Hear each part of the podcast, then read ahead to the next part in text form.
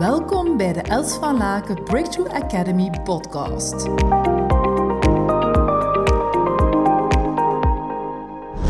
Vergelijken met anderen kan handig zijn wanneer je een realistisch actieplan erachter hebt. Ik heb uh, heel veel reacties gekregen op het blog dat ik geschreven heb rond comparing with others.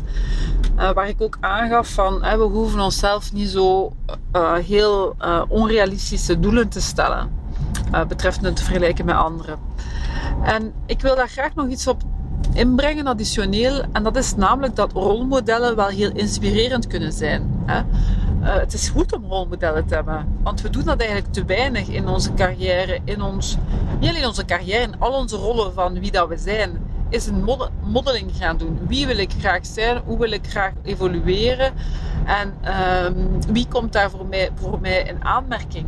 Als ik kijk naar mijn eigen rolmodellen in mijn leven, hè, dan uh, kan um, bijvoorbeeld Thibaut Helleputte daar absoluut uh, voor tellen. Zijn er nog zo'n paar die op mijn vizier verschijnen. Maar ook in mijn huidige carrière zijn daar een paar rolmodellen, zoals een Magali de Smet bijvoorbeeld, um, die spontaan opkomt poppen. En die mensen hebben wel toegelaten dat ik ja, als ik bijvoorbeeld aan Thibaut Helleput terugdenk, dan denk ik aan hoe dat hij leiding kon geven vanuit die rust en toch doortastend uh, naar de resultaten kon challengen en sturen zonder de controle over te nemen. Uh, met de mogelijkheid om jou een bepaalde vrijheid te geven vanuit wat er al dan niet mogelijk was.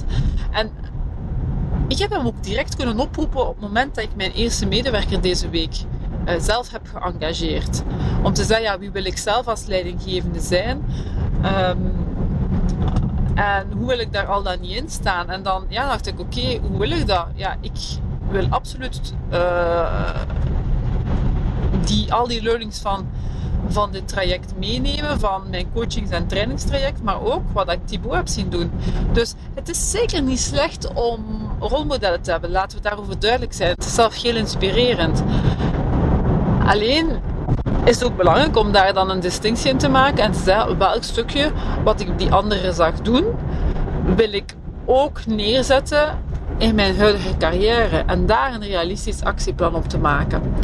Dus voilà, uh, laat je maar inspireren van jouw omgeving. Um, maak, uh, maak het gewoon hapbaar, realistisch en geef jezelf daar dan ook een smart actieplan voor ontzettend dankbaar voor je aanwezigheid. Verspreid samen met mij deze positieve energie en tips. Deel deze podcast op je social media. Wil je graag persoonlijk contact? Mail me op hello@elsvalaken.com. We beantwoorden elke mail. Tot hou!